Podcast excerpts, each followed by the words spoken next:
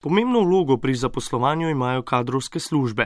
Te delujejo v večjih podjetjih pri organizaciji, iskanju in izbiri kadrov, pa tudi pri odpuščanju.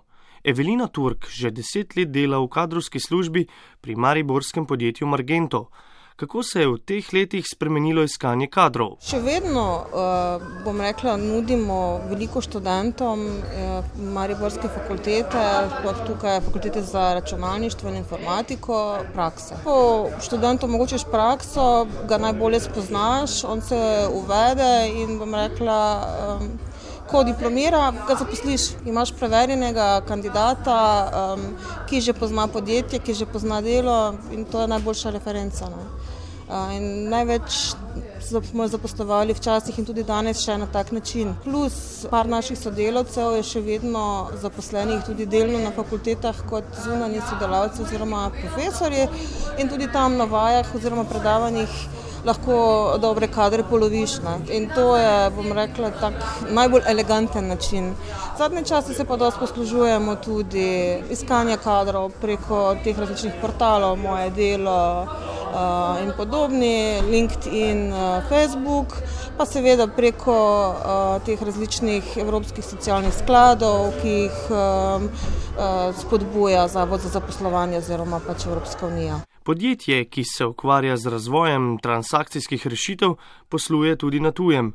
Trenutno imajo okoli 60 zaposlenih, a vseeno še vedno iščejo nove kadre, ki pa jih v Sloveniji ni lahko dobiti.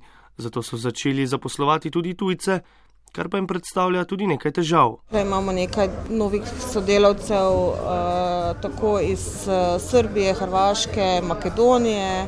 Uh, tu se pač, bom rekla, uh, soočamo z težavami birokratske narave, predvsem pri tem pridobivanju enotnih dovoljenj za delo in bivanje, ker je res, bom rekla, ogromno birokracije in dolgotrajen postopek, preden lahko res nekoga zaposlimo. Ne. Že večkrat smo na valu 202 govorili, kako se trendi zaposlovanja spreminjajo, a Evelina Turk pravi, da ustrajajo pri zaposlitvi za nedoločen čas. Je pa čisto neko poskusno obdobje na začetku, ne vem, tri mesece, šest mesecev, potem pa je ponovadi, če se nekdo izkaže, dobi tudi pogodbo za nedoločen čas. In se mi zdi, da je tako tudi prav. Ne.